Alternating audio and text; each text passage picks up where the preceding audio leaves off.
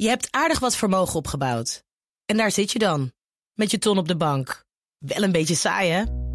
Wil jij, als belegger, onderdeel zijn van het verleden of van de toekomst? Bridgefund is een slimme fintech die een brug slaat tussen de financiële behoeften van ondernemers en van beleggers. Dus wie belegt bij Bridgefund krijgt niet alleen een mooie vaste rente, maar brengt ook ondernemers in beweging. Echt waar, met die ton kan je zoveel betere dingen doen. Bridgefund.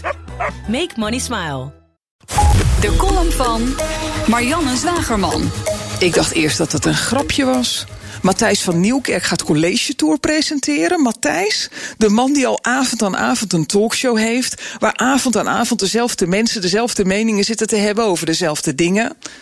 Is er dan echt geen enkele ambitie meer bij de NPO om ook andere mensen eens een kans te geven om talent te ontwikkelen? Juist bij een programma waar studenten een belangrijke rol in spelen. Wat voor voorbeeld geef je dan aan jonge mensen?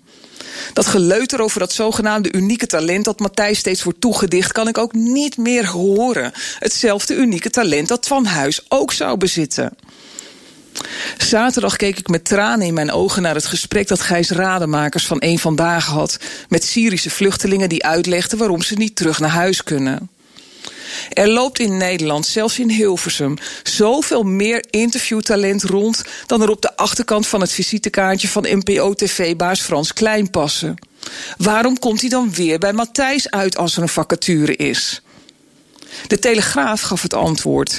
Matthijs moet na jaren rekken en tegenstribbelen dit jaar toch echt aan de balken en de norm gaan voldoen. En dus vier ton van zijn jaarsalaris inleveren.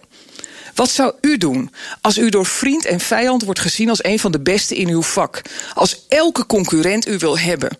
Zou u twee derde van uw salaris inleveren en er nog extra werk bij nemen? Dus komt er een U-bocht. De NPO brengt de productie van College Tour onder bij een buitenproducent. Een beproefde constructie om via een verborgen geldstroom alsnog meer geld bij NPO-medewerkers in de zak te krijgen. De NPO weigert toch al jaren categorisch om inzicht te geven in de kosten van de programma's. Dus staan wij erbij en kijken we ernaar. SP-Kamerlid Peter Quint gilt nog wel wat naar minister Slop, maar weet ook wel dat hij kansloos is. Anders dan de SP vind ik dat iedereen miljonair mag worden. Maar je kunt niet avond aan avond andere mensen de maat nemen als je zelf twee dikke middelvingers opsteekt naar de belastingbetaler.